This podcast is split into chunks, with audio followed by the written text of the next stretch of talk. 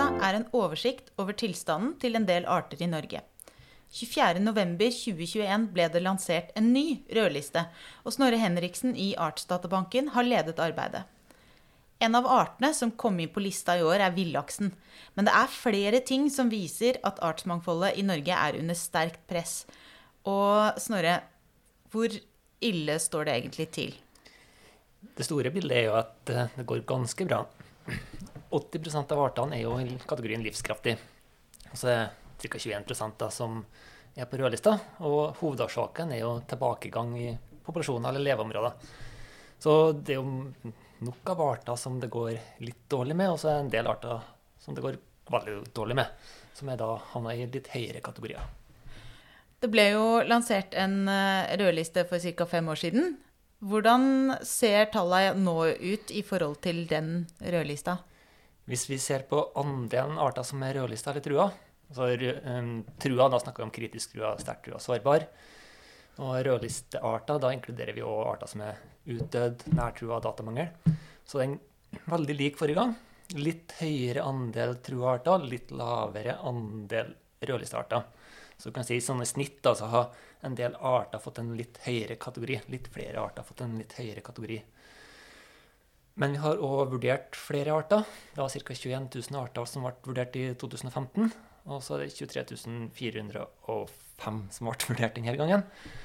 Så antall arter på rødlista, eller antall trua arter, har økt av den grunn i hovedsak. da. Nettopp. At man har fått til å kartlegge flere. Ja, vi har eh, kunnskap om flere arter. Det er det som er hovedutfordringa. Så vi har jo ca. 47 000 kjente arter i Norge, og så vurderer vi ca. halvparten. Så de artene vi ikke vurderer, veldig mange av dem har vi rett og slett ikke nok kunnskap om til å kunne gjøre en vurdering. Så kunnskapsgrunnlaget har økt en del siden forrige gang, men det, der går det relativt sakte, da. Er det, er det, et mål at man skal kunne vurdere alle artene? Det er ingen som har sagt det er et mål, da, og det er ikke nødvendigvis nødvendig heller. Um, når vi vurderer så mange arter, så har vi et veldig godt og representativt bilde av situasjonen for artsmangfoldet i Norge. Vi vet hvilke artsgrupper som er trua, vi vet hvordan de lever, vi vet hvilke påvirkningsfaktorer. Um, nok arter og rødliste arter er kartlagt, der vi har en sånn viss formening om hvor vi har høye tetthet osv. Så, videre. så det er mer enn nok til å kunne gjøre um, velbegrunna valg og beslutninger og prioriteringer. Du, du, sa at det, det, liksom har vært et sånt skifte mot uh, Hvis man tenker seg en sånn rød gradient, da. Uh, fra liksom sånn svakt rosa til uh, kjempemørkerødt, hvor du er kritisk trua. Mm. og så har jeg kikka litt og, og, sett at det er, det er vel fem kategorier. hva er egentlig hva er de kategoriene, og, og, hva kjennetegner de ulike kategoriene? Eller fem shades of rødt, hvis du vil. Ja. Hvis du starter på den mest alvorlige, kritisk trua, da er det virkelig kritisk. Um, og egentlig så vil det være litt for sent for en del arter som havna i den kategorien kritisk trua. Um, en art som f.eks. blir kritisk trua til det vi kaller B-kriteriet, den finnes kanskje på én eller to lokaliteter i Norge. Den er i tilbakegang, og leveområdene er fragmentert, eller populasjonene er fragmentert. Da har du et problem. Men så er det òg arter som blir kritisk trua fordi du har eh, stor tilbakegang over lang tid, sånn som lomvi. Mer enn 80% tilbakegang. Oi. Uh, Lundefuglen, f.eks. Vi hadde I 2014 så hadde vi 2,5 millioner individ i Norge. Og den er sterkt trua. Da har vi 50-80% tilbakegang.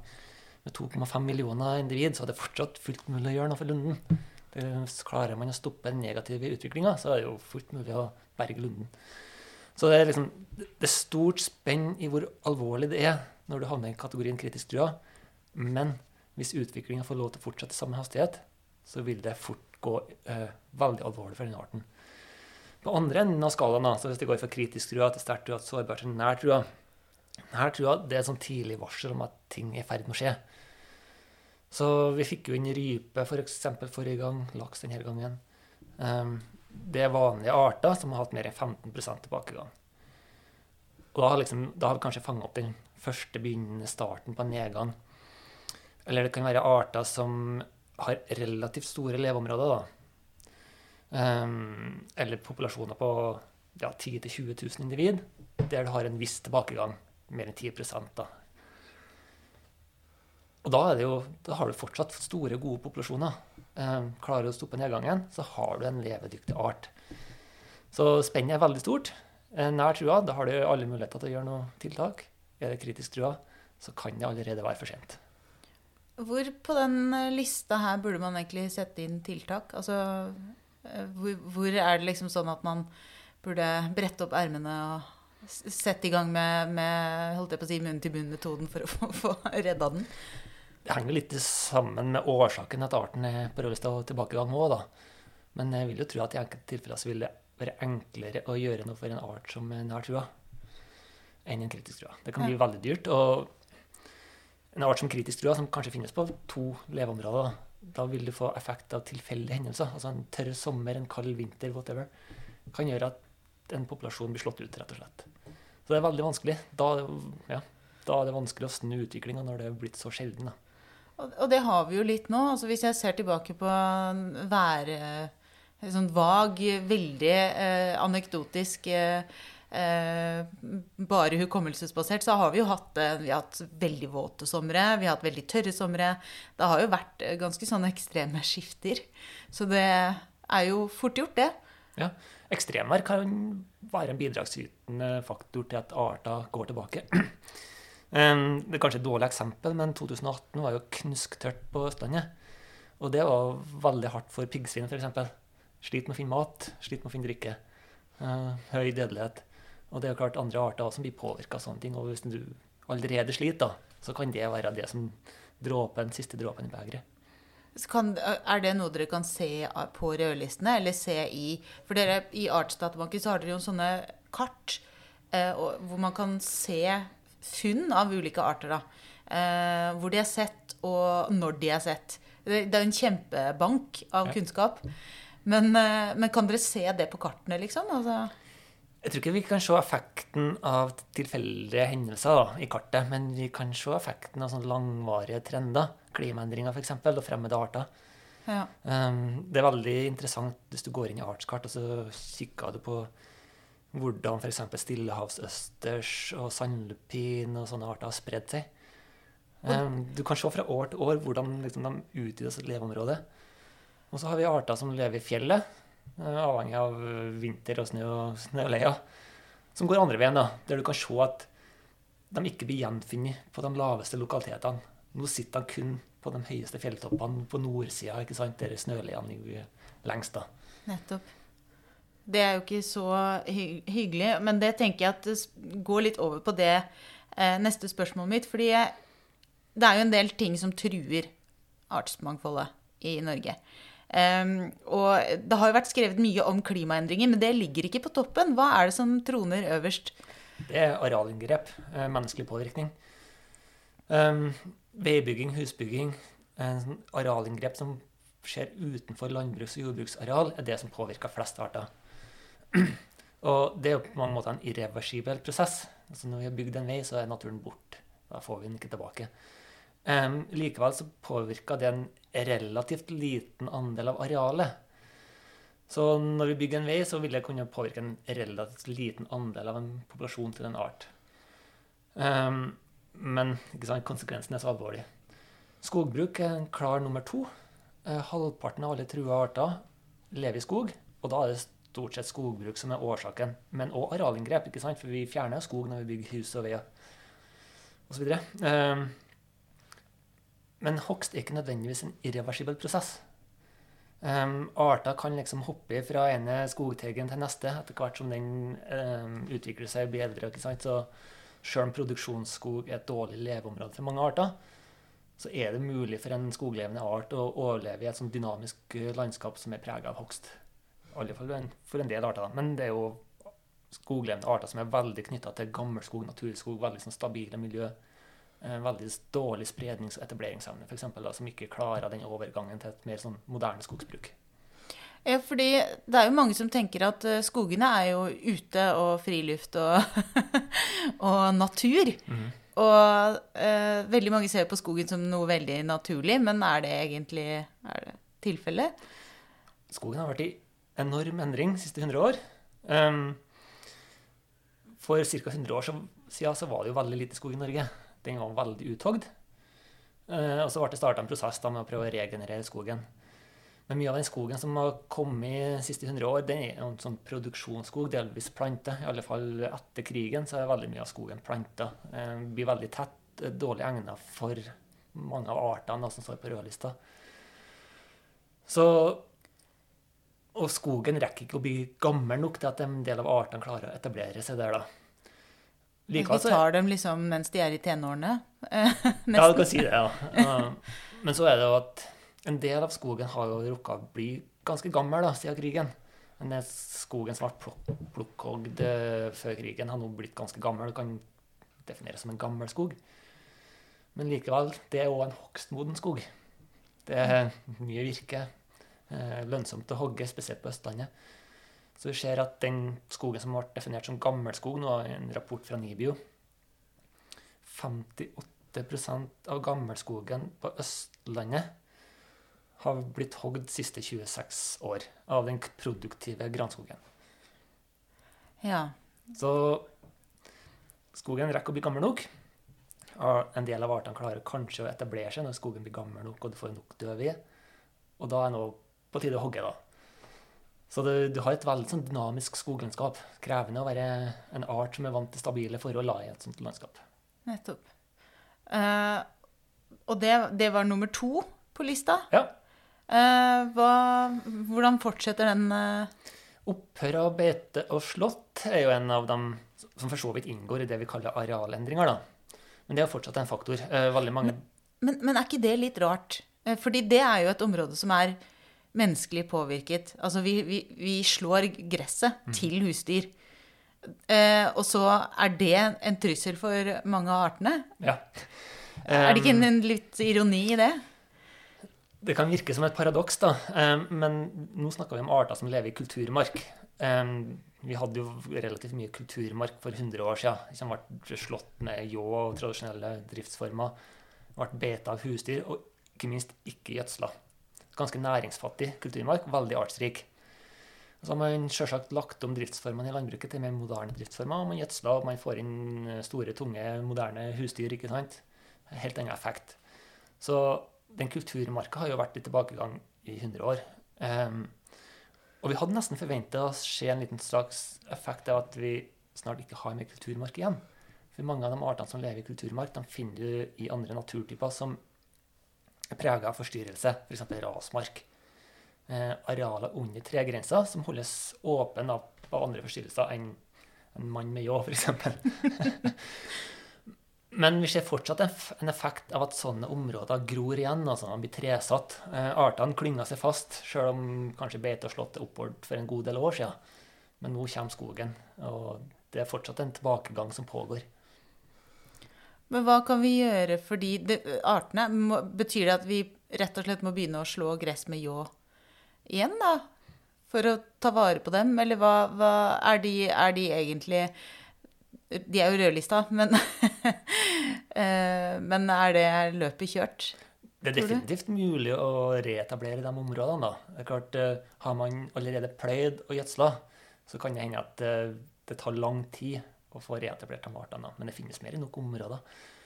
Men det er klart det er ingen bønder som har lyst til å ta den jobben frivillig og gratis med å berge naturmangfoldet. De har mer enn nok med å drive sin egen gård. Ehm, det finnes jo tilskudd osv. for å prøve å snu den trenden, da, men det er krevende. da. Mm. Så det kan hende at uh, den utviklingen vil fortsette i framtida. Nettopp. Og da er vi på nummer Det var nummer tre? Da er vi vel over på forurensning, tenker jeg. Um, jeg tror folk tenker på sur nedbør og giftstoffer når vi snakker om forurensning, men nå til dags handler det i stor grad om tilførsel av næringsstoffer ja. nitrogenforbindelser. Så du får en um, gjødslingseffekt. Og i, spesielt i Sør-Norge, der du får den effekten fra langtransporterte nitrogenforbindelser fra Europa, så er gjødslingseffekten veldig sterk.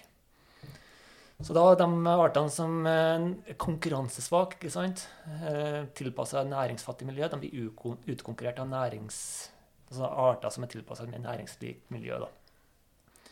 Så på Vestlandet så er det en del sånne annet barklevende arter. som lever på næringsfattig bark, lav f.eks., som blir utkonkurrert av andre arter. Eh, så har du litt sånn gjødslingseffekt fortsatt i ferskvann, men der har vi hatt en ganske dramatisk forbedring eh, over lang tid. da. Det er jo godt at det er noen gladnyheter innimellom. Ja, det går an å gjøre ting som virker. For jeg tenker på forurensning. Jeg forbinder liksom litt det med, med Blekkulf og 70-80-tallet, og at det er noe vi liksom er litt sånn ferdig med. Eh, at vi liksom har skjønt at ok, det var dumt. Det må vi slutte med. Men, eh, men gjødsel er jo noe som bøndene er ganske avhengig av. Og kanskje hageeiere òg, for den sakens skyld. Ikke sant? Eh, er ganske avhengig av å, å drive med. Men det er jo dumt å gjødsle så mye at overskuddet At du betaler for et overskudd som havner i elva og skaper et problem. Eh, er, det noe, er det noe som kan gjøres for å på en måte minske det overskuddet av næringsstoffer? Jeg tror det jobbes veldig godt innenfor landbruket med å begrense avrenning. da. Um, men med varmere klima, mer nedbør, menneskelig aktivitet osv., så, videre, så så vil du fortsatt få tilstrekkelig avrenning av næringsstoffer til at det kan bli et problem. Så Oslofjorden er et godt kjent eksempel. Da. Men sørlandskysten eh, Utviklinga de siste årene er jo en økt påvekst av det vi kaller trådalger da, på de vanlige brunalgene. Eh, sukkertare, blant annet. Um, og det er nok til en viss grad skyldes uh, tilførsel av næringsstoffer da, og formørking av vannet. Så da trives de bedre, og så, og så dør de andre artene Eller trives de andre artene dårligere? Også? Ja, blir utkonkurrert, og så blir vannet blir mørkere. ikke sant? Fordi de får mer næringsstoffer i vannet, og så trådalger gjør at eh, mindre lys slipper igjennom. da. Er det, er det på en måte det som har skjedd med Oslofjorden også? Eh, altså at det blir mørkt og næringsrikt? Jeg kjenner vel kanskje ikke Oslofjorden så godt, da, men det er jo veldig mange ulike faktorer som bidrar. Men næringstilførsel, eh, fiske osv. har jo helt sikkert bidratt. Så forurensning Nå har vi, vi er fortsatt ikke på klima, som er den miljøpåvirkningen som kanskje har tronet overskriftene i avisene. Men hvor, når, hvor på lista Ja, ligger det? eh, Først så skal vi innom eh, påvirkning fra stedegne arter. Ja. Og hva ligger i det? Um, I stor grad så er det beite fra hjortedyr, blant annet. Um, men òg litt sånn predatorer. Og det her er på mange måter en endring i balansen i økosystemene som er forårsaka av menneskelig aktivitet. Altså, vi har jo hatt en voldsom vekst i hjorteviltbestander i Norge siden 70-tallet, egentlig, da vi startet med avretta, uh, retta avskyting. Og havørna har f.eks. kommet tilbake, og bra er det. Oteren har kommet tilbake, og bra er det. Men det får jo konsekvenser for sjøfugl, f.eks., som har hatt det veldig behagelig i et eh, miljø uten predatorer. Ja, ikke sant? Fordi de artene som vi nå De har vi kjempa for å få tilbake, men så blir de plutselig en trussel for de Ja. andre artene igjen. Ja. Er ikke det også et paradoks? Jo, det er jo for så vidt det, da, men eh, jeg tror jo det kommer bare på toppen av mye av det andre. da. Så det er jo ikke en veldig viktig faktor. Det er 254 arter som er der påvirkning fra stedegne arter er angitt som en trussel. Så det er småtteri sammenlignet med arealendring, der det er 2500 arter. da. Mm. Så da, og da er klimaendring neste, som er 211 arter. Ja. Uh, og det er kanskje et, et tall som kamuflerer litt betydningen. Altså, vi har dratt det fram fordi det er en sånn voldsom økning fra 2015. To og en halv ganger flere. Men da snakker vi kun om trua arter. Og veldig mange av de artene som kommer inn på rødlista denne gangen som følge av klimaendringer, kommer inn på det vi kaller A-kriteriet, som er prosent nedgang over tre generasjoner. Og skal du bli trua etter A-kriteriet, så må du ha mer enn 30% nedgang. Og For mange av de artene vi snakker om her nå, det er jo karplante og moser i fjellet, så er vurderingsperioden 30-50 år. Av og til enda lenger, da.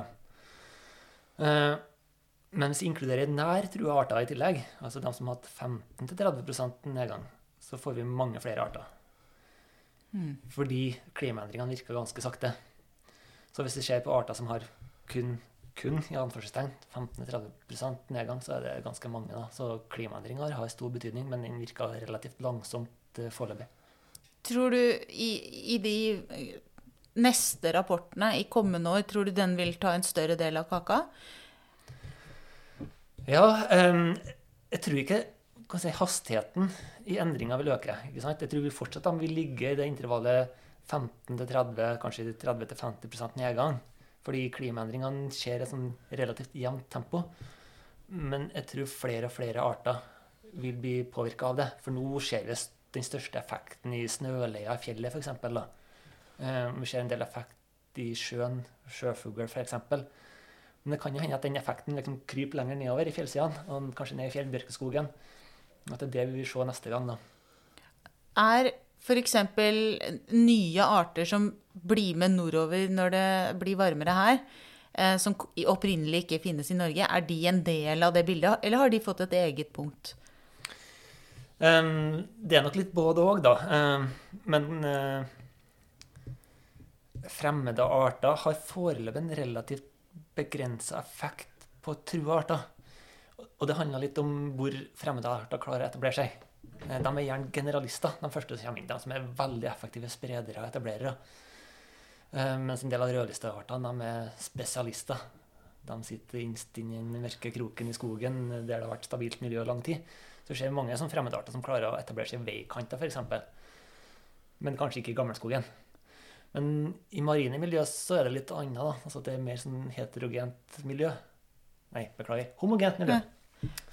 Så de sprer seg fryktelig fort og har stor effekt over store områder, sånn som stillehavsøsters f.eks.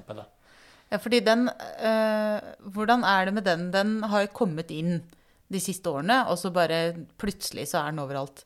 Ja, det gikk veldig fort. Den spredninga skjer fryktelig fort, og den danner ganske sånn tette matter på sjøbunnen. Så klart, den, den fortrenger jo stedegne arter, og da fortrenger den vanlige arter. Så ja. klart, eh, plutselig så, kan, så, er det ikke lenger de sjeldne spesialistene lenger vi snakker om, ikke sant, som blir trua av fremmede arter. Da kan det være helt vanlige arter. Som blåskjell? Ja, f.eks. Ja. De lever kanskje ikke på veldig likt substrat, men sånn i teorien, ja. Men eh, hva kan man gjøre med det? Eh, fordi de er jo blitt såpass mange at man eh, Det er vanskelig å sette i gang tiltak mot stillehavsøsters. Ja, den stoppa du ikke nå. Nei. Det, det løpet er kjørt. Ja.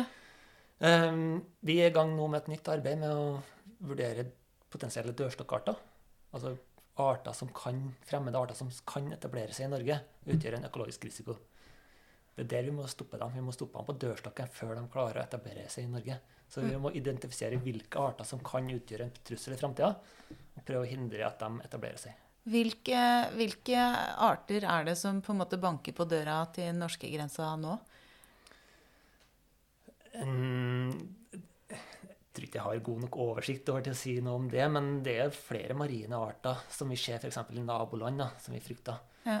um, og sørover i Europa. Vi er jo litt heldige i Norge på en måte at vi har et kaldt klima, så det er ikke fryktelig mange arter som klarer å etablere seg. Nei. Så mange har jo sin nordgrense kanskje i Sør-Norge f.eks. og ikke klarer å etablere seg i Nord-Norge. Ja. Enn så lenge, får vi håpe. Ja. Men eh, lista over eh, Vi er jo ikke i bunnen av lista over påvirkning. Ting som, som, på en måte påvirker artene i Norge negativt. Eh, hva, hva, er det som kommer videre nedover der? Ja, da kommer menneskelig forstyrrelse. Eh, ferdsel eh, og sånne ting. Er det lysforurensning, lyd Ja, altså alt? Ja. Det er relativt begrensa, da. Um, fremmede arter en, eh, på samme nivå, og der tror jeg kanskje vi underestimerer litt, fordi det er litt sånn uh, høna og egget og eplet-paret-problematikk. Uh, veldig veldig mange av artene som er trua som finnes langs Oslofjorden, f.eks., lever jo i områder som holdes, har vært holdt åpent av beiteslåtten, kulturmarksarter. Og så legger vi om driftsformer, og vi bygger de områdene. Eh, så områdene, leområdene gror igjen av ulike grunner, og så kommer fremmedartene inn. Så spørsmålet er det opphør og beiteslått som er årsaken, eller er det fremmedarten? Eh, eller bygginga. Ja. ja. Så eh, på mange måter så vil jo de områdene ha grodd igjen uavhengig om det var en fremmedart eller ikke. da. Mm. Så i tillegg, ja, nå begynner man å komme veldig langt ned på lista, men høsting utgjør en effekt på noen arter. Da. Og da er det stort sett kommersielle fiskeslag som er problemstillinga. Mm.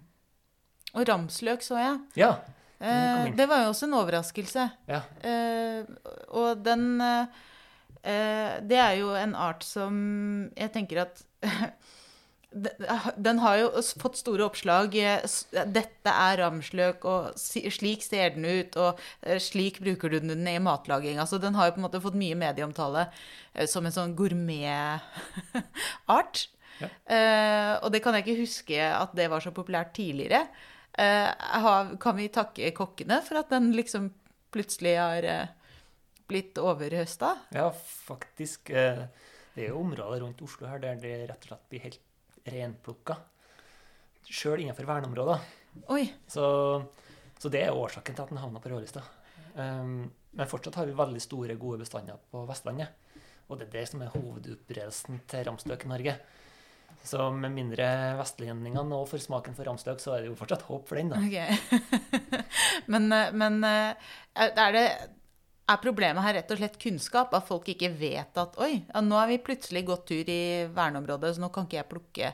Og er det, er det liksom litt egoisme inni bildet òg? At de bare ja, men jeg skal ha ramsløk til den, jeg får ti gjester til middag og Ja, man kan jo lure på om de har noen tanker om hvor bærekraftig det er å renplukke et felt med ramstøk. Altså. Hvis man En del av de som plukker ramstøk, plukker for å selge til kokker. Ja, nettopp. Og de må vel ha en ambisjon om å ha en inntekt neste år òg, tenker jeg. da. Ja. Og sette igjen litt. Ja, da har de skutt seg sjøl i foten. Men det er ikke noe, er ikke noe dyrking av ramsløk eh, per i dag. Det vet, eh, vet, du det? Jeg, jeg vet ikke, Nei. men det må jo være mulig. Det burde være det. Eh, og så kanskje en bedre løsning enn å renplukke et område i skogen. Ja. Um, men det var i hvert fall noen overraskelse, og jeg tenker at det, det burde være en, en, vekker før man setter en eller annen sjelden art på menyen. Uh, også i Norge. Jeg trodde liksom at det var mest sånn um, enkelte asiatiske land kanskje som drev og spiste truede arter, og at det ikke var noe vi drev med i Norge. Men kanskje, kanskje kan man ja, øke oppmerksomheten litt rundt det.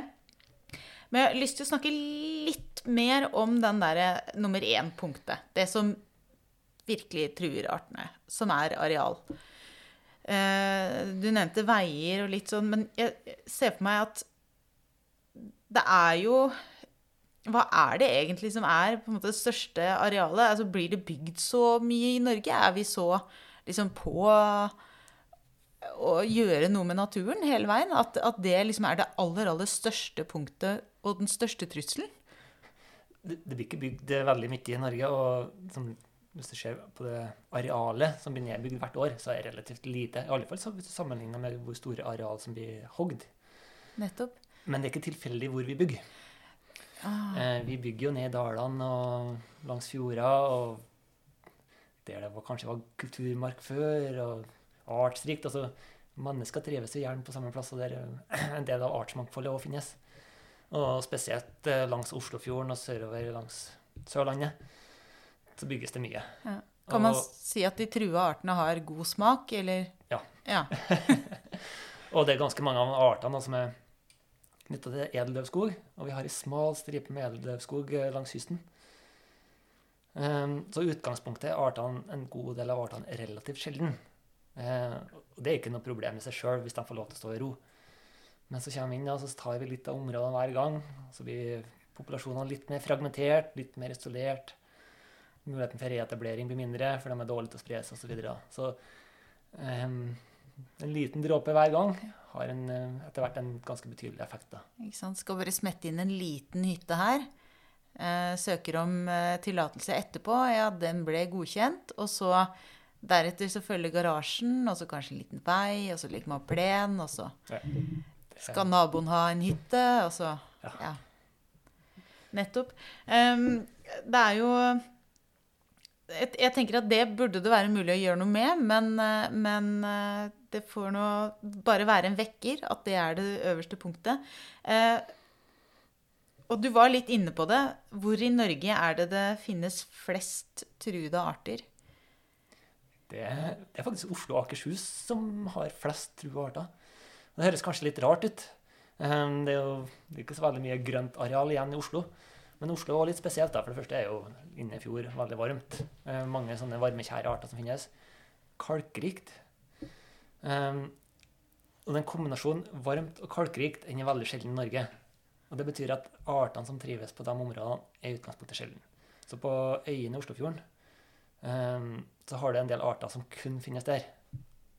Og de øyene i Oslofjorden er relativt populære. Så det er, en, ja, det, det er, ikke så vanskelig å gå ut på ei øy i Oslofjord, uh, Oslofjorden og finne en trua art. Det, der har du mange. Nettopp. Uh, og det er jo kanskje Jeg ble i hvert fall overraska da jeg så det. Uh, at det er rundt Oslo. Fordi det er også her hvor det er kanskje mest menneskelig påvirkning og flest folk. men forhåpentligvis så er jo dette noe som, som, det er mulig å gjøre noe med. da, hvis man F.eks. hvis flere mennesker blir oppmerksom på at ok, på den øya her så er det truarter. Kanskje man skal liksom begrense campinglivet litt og ja, ja. jeg vet ikke. Oslo kommune er jo godt kjent med problematikken. De har god kunnskap om hvor de sjeldne og trua artene finnes. Så de er jo veldig bevisst på det. Så ja, det går an å ta hensyn til artene òg. Men vi ser jo litt andre mønstre. da, så Lav, f.eks. Vi har en del sånne taiga-element man snakker om oppe i Gudbrandsdalen. fordi der er det veldig tørt og varmt. Og det er òg en del sommerfuglarter sommerfuglearter som trives på sånne områder. Så en del artsgrupper har et litt annet utbredelsesmønster. I Trøndelag så har du en god del eh, rødlista moser.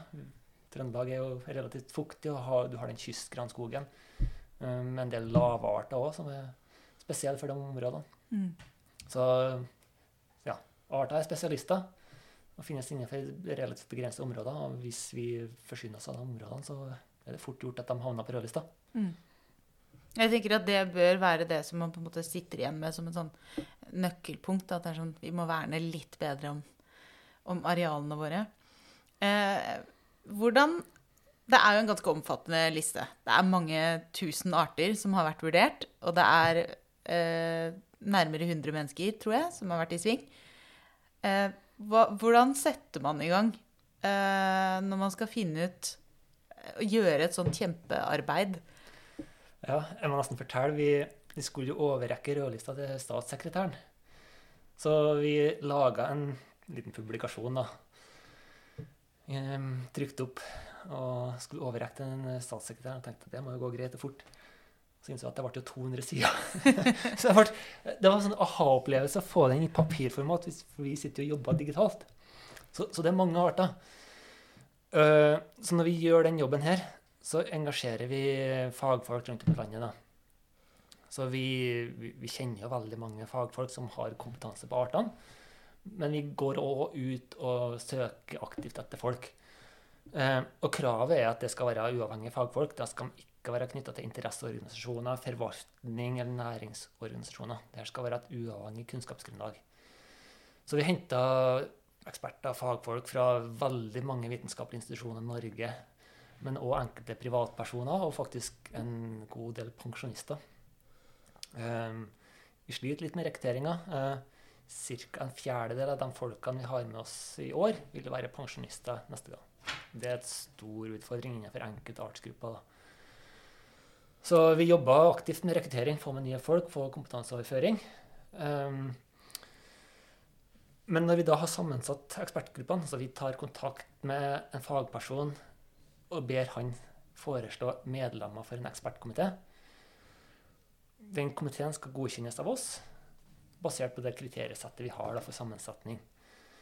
Og da starta vi Vi starta i januar eh, i fjor med oppstartsmøter med de ulike komiteene. En del av folkene har jo vært med tidligere og kjenner litt prosessen og metodikken. Men da går vi gjennom metodikken og kunnskapsgrunnlag og sånne ting. Etablerer en basis.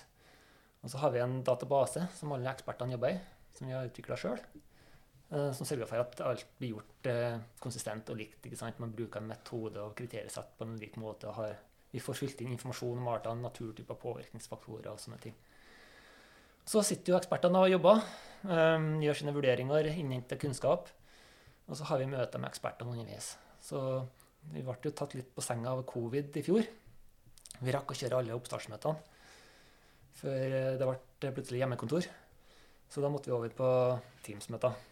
Så vi har eh, i perioder hatt eh, to møter i uka med ulike komiteer. Vi har hatt over 40 møter i fjor med ekspertkomiteene. Der vi får diskutert metodikk, ja, metodikk kunnskapsgrunnlag osv. Og etter at ekspertene har jobba litt over et år, så legger vi ut alle resultatene for det vi kaller et foreløpig innsyn. Formålet med det er jo at vi skal få tilbakemelding på kunnskapsgrunnlaget. Ekspertene gjør det så godt de kan basert på den kunnskapen de har tilgjengelig, og det er det som sitter i hodet til dem. Men det er jo en del personer som har spesialkompetanse på arter eller områder. Så da fikk vi inn ganske mange tilbakemeldinger. 250 tilbakemeldinger. Eh, faktisk fra veldig mange frivillige som har ekstremt god lokalkunnskap. Men òg fra fylkesmann, eller det som heter statsforvalter nå, da, som har laga regionale handlingsplaner, f.eks. Og det bidrar jo til å heve kvaliteten og ja, kvalitetssikre de vurderingene som er gjort. Så da ferdigstilte vi vurderingene sånn i juni i år. Og etter det så har vi i Artsdatabanken jobbet med å sammenstille resultat, eh, laga en innsynsdatabase for å presentere resultat og, og arrangere konferanse osv. Nettopp. Det er et ganske stort arbeid. Når dere gjør disse vurderingene, eh, så bruker dere jo også det artskartet som jeg nevnte tidligere. Altså det at eh, noen har observert en art eh, et sted. Og så har dere jo et, et tidsbilde på det her. Altså hvor, hvor, langt bakover i tid tar dere med data for å på en måte vurdere nedgang? Mm. Det er stort sett avhengig av artens generasjonstid, hvis vi snakker om A- og C-kriterier. Uh, artens generasjonstid det er liksom gjennomsnittsalderen til reproduktive individ. Og så sier vi tre generasjoner på A-kriteriet og én, to eller tre generasjoner på C-kriteriet. Inntil 100 år. Aldri mer enn 100 år. fordi ja, av ulike grunner så har vi kunnskap om det osv. Og aldri mindre enn ti år. Så hvis du har en art med kort generasjonstid, så ser vi på minimum ti års endring. På B-kriteriet så ser vi på pågående nedgang.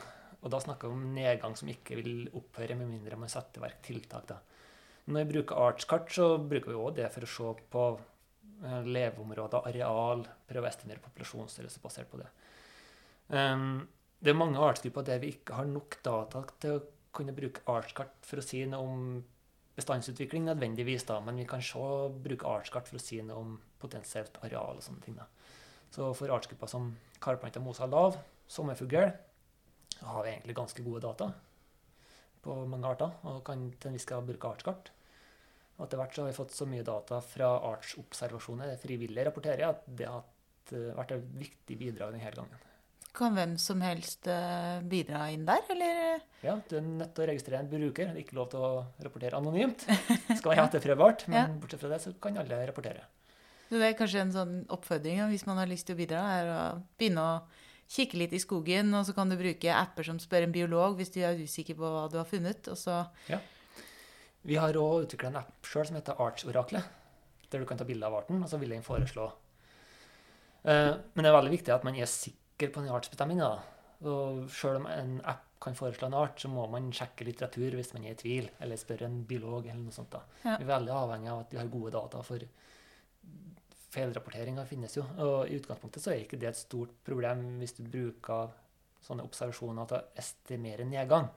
Så lenge den feilprosenten er lik, så spiller det ingen rolle, ikke sant? fordi du kan ta høyde for feilprosent. Men hvis folk begynner å rapportere sjeldne arter, eller rapportere feil arter, hvis du rapporterer en sjelden art utenfor det kjente leveområdet, så kan det ha stor betydning for når vi skal beregne areal som arten lever på. Mm. Så vi bruker ganske mye tid på å kvalitetssikre sånne observasjoner. Nettopp. Uh, du nevnte generasjonstid. Jeg, jeg, tenker, Hva gjør dere med arter som har veldig lang generasjonstid, eller som lever fryktelig lenge, sånn som eh, la oss si eik, da? Uh, som, som, kan leve noen i hvert fall 1000 år, tror jeg. Ja, Nei, Da vurderer vi en tilbakegang over tre generasjoner, da, som er 100 år. Eh, sorry, maks 100 år. Ja. Og det kan være både fortid og framtid og nåtid. da. Så når vi ser på klimaendringer, så er det inntil 100 år fram i tid vi kan se på endring. Nettopp. Hvordan går man fram for å kartlegge så mange arter over så store områder? Altså, Norge er jo ikke et lite land, og deler av uh, området som er kartlagt, er jo litt utilgjengelig, sånn som uh, en del fjellområder f.eks. Men så har du jo enorme havområder. Eh, som er fra før av ekstremt lite utforsket. Hva gjør dere med de kjempe, kjempe, kjempestore områdene? Ja, Artsdatabanken har ikke noe ansvar for selve kartlegginga. Det er mange institusjoner, altså vitenskapelige institusjoner som gjør kartlegging i forskningsøyemed. Eh, konsekvensutredninger som utføres av konsulentfirma, f.eks., eller frivillige. Det er veldig, veldig mange kilder til den type stedfesta informasjon. Men det er jo en utfordring. da, Vi har ikke nødvendigvis et representativt bilde. Um, folk tror kanskje at det blir rapportert veldig mye rundt byene der folk jobber og bor, men vi ser at mange har en interesse for natur og oppsøker spesielle områder. Men det er veldig mange arter som òg er vanskelig å artsbestemme, vanskelig å observere. Og marine arter er jo veldig vanskelig. Altså observere arter på dypt vann, det er det jo knapt noen som kan gjøre. Um, så spesielt på marine invertebrata, altså muslinger, bløtdyr, kripsdyr og sånne ting. Um, så har vi veldig mye data. Og jeg husker bare et sitat fra Jon Arne Sneli, som var med tidligere. Han skrev at uh, nyere kilder Og så refererte han til Carl Dons på 1920-tallet. ikke sant? Så Der var det veldig mye som var gjort uh, tidlig på 1900-tallet, som, som ikke er gjort uh, ja, Der vi ikke har noen nye funn i ettertid. da. Så vi har en art nå som går ifra utdødd til livskraftig. Oi! Det var en art som Det, var kjem, det er jo et kjempesprang. Ja, det er et solid sprang. eh, den ble observert på jeg tror det var 1920-tallet. Det, det, var noen utrolig flinke biologer på 20-tallet. Gjorde veldig mye bra arbeid. Eh, så det var et bløtdyr, det var et skjell. Observert. Og så i ettertid så har jeg kun funnet tomme skall. Aldri levende individ. Og han trodde derfor at arten ikke fantes i Norge lenger. Helt til det dukka opp et funn for et par år siden. En levende individ. Og da viser det seg at den personen han har gravd ganske dypt i sedimentene. Men fant den arten på 40 cm dyp nede i mudderet. Oi. han man har leta på feil plass da i 100 år. og det var samme var med en mose som var eh, observert på Oppdal 1920-tallet. Det mosefolka kaller en stor og karismatisk art. Som da var lett observert, lett å artsbestemme. Den var ikke sett på 100 år. Den sto som kritisk trua. Den var ettersøkt mange ganger. Ganske sikker på at den var borte.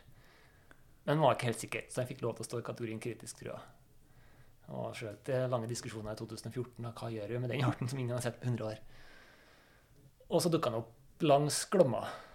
Så har man bare leta på feil plass. Nettopp. Og da gikk den fra kritisk trua til livskraftig. da. Jeg er så glad for at det er noen sånne historier. Eh, og det viser jo med all tydelighet hvor viktig det er å gjøre kartlegginger ganske grundig, da. Eh, nettopp fordi plutselig så dukker den opp et annet sted. Ja, og så er vi helt avhengig av spesialkompetanse på en del sånne arter. Det er veldig mange frivillige som har fantastisk kompetanse på en del artsgrupper. Men eh, enkelte arter er så vanskelig at du skal du spesialisere deg, så må du rett og slett ha tid og ressurser. Altså. Det, er ikke for hvem som helst å sette seg ned på kveldstid og lære seg store, vanskelige mm. artsgrupper og sitte og mikroskopiere eller kjøre DNA-analyser eller kjemiske analyser for å artsbestemme.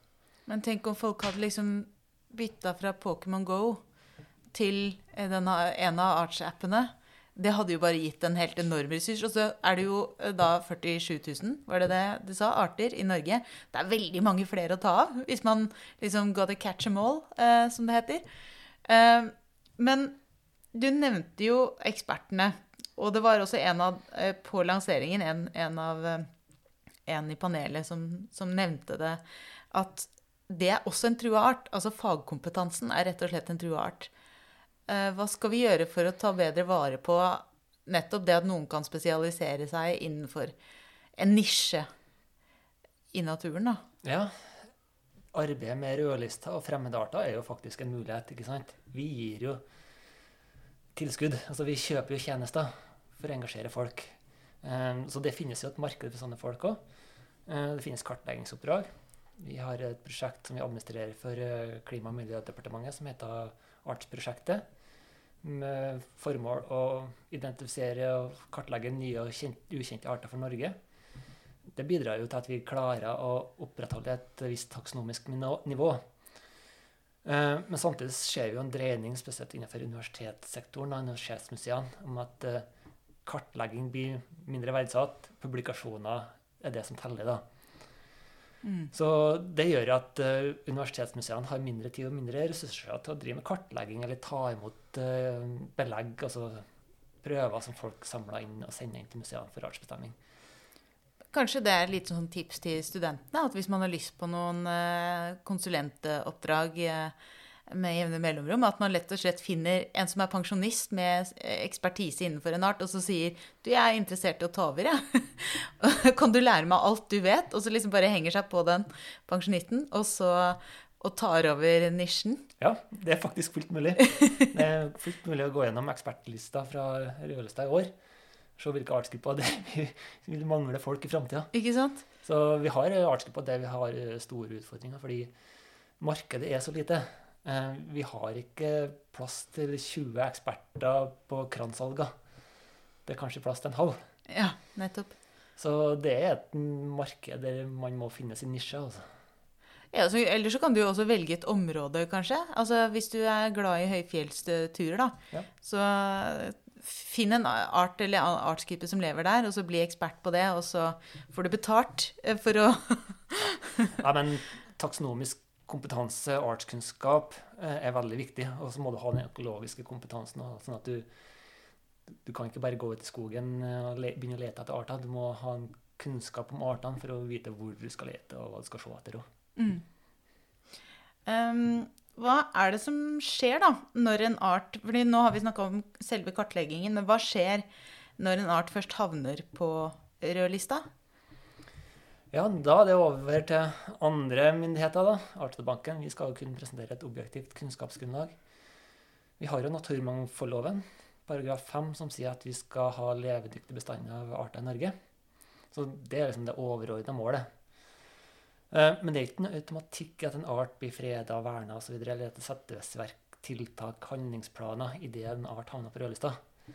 Eh, veldig mye er regulert gjennom f.eks. plan- og bygningsloven. Ehm, skal du bygge en ny E18, så må du innhente kunnskap og se på effekten av en sånn utbygging på artsmangfoldet, f.eks. Men vi så jo et typisk eksempel forrige gang, da i 2015, da rypa havna på rødlista. Så har man ikke så veldig mange virkemidler egentlig for å sette i verk tiltak for å prøve å stoppe den utviklinga. Men de er jo ikke på rødlista nå lenger, så det har jo gått bra. Hva, vi, er det noe vi kan lære av det, siden det gikk bra? Eller bedre? Ja. Vi er litt usikre på hva det var som gjorde at uh, altså, Grunnen til at den går ut av rødlista, er jo at nedgangen opphørte. Um, nedgangen har jo pågått i lang tid, egentlig, da. Og tror vel egentlig ikke vi har sett enden på den historien. Pga. klimaendringer ikke sant, i fjellet. Tregrensa kryper oppover. Så kan det hende at det er en forbigående effekt. Men det vi ser nå, hadde kanskje en sammenheng med at arten havna på rødlista. Um, ble innført litt sterkere begrensninger på jakt, kvoter, antall jegere osv. Så, videre. så det kan ha en betydning, da. Så ja. For en av artene som jeg nevnte innledningsvis, villaksen, eh, det er også en av de kanskje best overvåka artene i Norge. Eh, hvor man også årlig gjør en vurdering eh, av gytebestanden for hver enkelt elv. Så det er jo veldig, veldig på en måte en man følger den arten nøye, og allikevel så går det nedover. Og det er jo Da blir jeg litt pessimistisk. Er det, har, vi, har vi så få ting vi kan Har vi så lite myndighet eller lite tiltak som vi kan gjøre for å ja, gjøre noe når, når en art da er inne på lista? Ja, laksen, der har man jo altså, Vi har sagt i flere år nå at eneste grunnen til at laksen ikke står, har stått på rødlista, er at man har satt i verk effektive tiltak. Man har brukt uh, mye penger og ressurser på å bekjempe den parasitten Gyrodactylus salaris. Um, kalka sure elver osv. Man har satt stopper for veldig mye fiske i sjø. Mye garnfiske osv. Så, videre. Så det har jo liksom dempet opp for mye av den effekten, som gjør at nedgangen har vært relativt begrensa. Og da innført eh, kvoter i elv ikke sant, med catch and release og bag limit og sånne ting. Som gjør at du har Det har vært et plaster på såret hele tida. Men nå virker det ikke som at det er nok lenger. Um, og det vi ser, det er jo at antall gytelaks i elv har vært eh, relativt stabilt de siste 10 årene, 10-15 årene. Det har, gått, det har gått ned, men ikke veldig fort. Men innsiget inn i fjordene, inn mot elven, har avtatt, eh, og avtatt større. Så årsaken til at nedgangen i elv er mindre, det er at flere lakser har passert, eller overlevd den passasjen gjennom fjord, der du blir utsatt for sjøfisk og lakselus osv. Så, mm. så nå har vi brukt opp en del av de virkemidlene vi har. Eh, nå må vi over på neste trinn. Og da er det, handler det nok om å øke overlevelsen i sjø. Og da snakka vi bl.a. om lakselus, og vi snakka om rømt oppdrettslaks og innblanding, ja, genetisk innblanding i lakseelver. Og kanskje vil vi etter hvert se en effekt av klimaendring på laks òg. Vil jo ikke bli overraska over det. Den er jo en art som foretrekker relativt kaldt vann. Og så ser vi at nå kommer pukkellaksen inn, da. Og det var jo voldsomme mengder i år. Fortsatt litt usikker på effekten. Den foretrekker å gyte relativt langt ned i elva, og den gyter tidlig. Så villaksen kommer i ettertid og kan for så vidt eh, rote litt oppi elvegrusen og gyte etter at eh, pukkellaksen har gytt. Men eh, det blir jo spennende å se i framtida hvordan den arten påvirker villaksen. Er det litt sånn som med eh, Stillehavsøsters, at det det er bare å forsyne seg av pukkellaks da, i mellomtiden. Ja, vær så god. Og ta den gjerne i sjøen før den går opp i elv. For ja. så lenge den eh, står i sjøen, så er den fortsatt en god matfisk. Ja. Når den går opp i elv, så eh, endrer den eh, de sekundære kjønnskarakterene. Da får den jo pukkel og en krok på underkjeven, og da blir den uspiselig etter hvert. Ja, nettopp. Og det er jo litt trist, for det, hvis, hvis, eh, hvis, man bare hadde fått overbevist at eh, det er som med ramsløken ja. Eh, det er en delikatesse, så kanskje pukkellaks hadde liksom Det hadde hjulpet litt. Men um, hva Hvis du liksom skulle ta en sånn ønskeliste til politikerne eller forvaltningen over hva, man, hva, hva, hva, burde, hva burde skje når en art havner på rødlista, ideelt sett, i en ideell verden?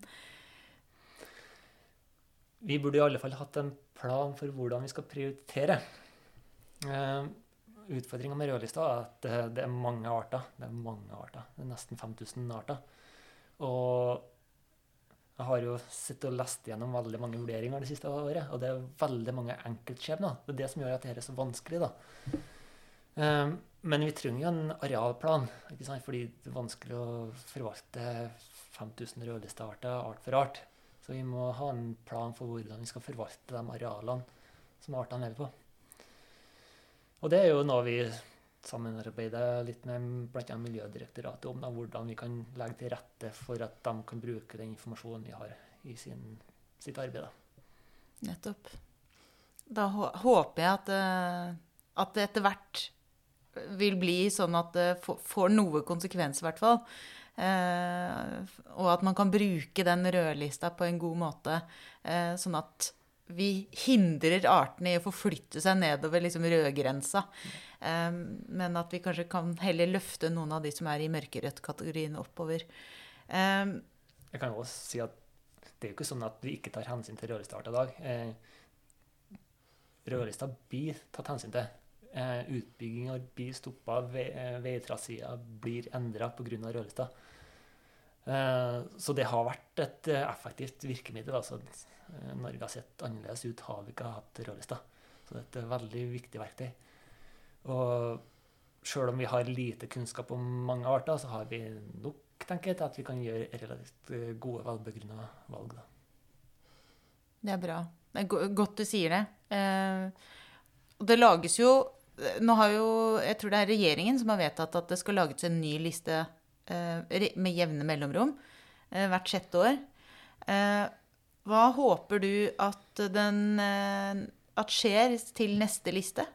hvilke endringer håper du på? Både i på måte, hvilke arter som havner på listen, også kanskje tiltaksmessig? Ja. Um, vi får jo håpe at vi ser en bedring i situasjonen. Altså, det skal ikke så veldig mye til. Um, at nedgangen flater ut, kan være nok for veldig mange arter. Vi ser òg at mer kunnskap hjelper. ikke sant? Fordi en del arter, når vi får mer kunnskap om dem, som viser at de kanskje er mer vanlige enn først trodd, kartlegging hjelper. Det gjør at vi òg kan gjøre bedre valg. ikke sant? Vi skal bygge en vei. Vi må bygge nye veier. Det kommer til å skje i framtida. Men litt mer kunnskap gjør at vi kan gjøre bedre valg. Så det er jo ikke helt svart. Og vi ser at forvaltning fungerer. Vi ser at forbrukermakten fungerer. Um, så det er fortsatt håp. Så vi har jo trua på framtida. Ellers har vi ikke holdt på med det her. Det er godt. Da tror jeg vi avslutter der med trua på fremtida. Og så er det jo bare å håpe at, eh, at uh, både kartlegging, at flere har lyst til å være med, kanskje som frivillige, og noen uh, blir interessert nok til å finne seg en ny nisjehobby. og hvor man kanskje også får muligheten til å være konsulent og bli med etter hvert. Men jeg sier tusen takk til deg, Snorre Henriksen, for, både for at du har jobba iherdig med hele rødlista, men også for at du stilte opp her i Biopoden. Og så er det jo bare å si til alle våre lyttere dette her var siste episode i 2021. Så er vi på'n igjen i slutten av januar i 2022. Vi høres.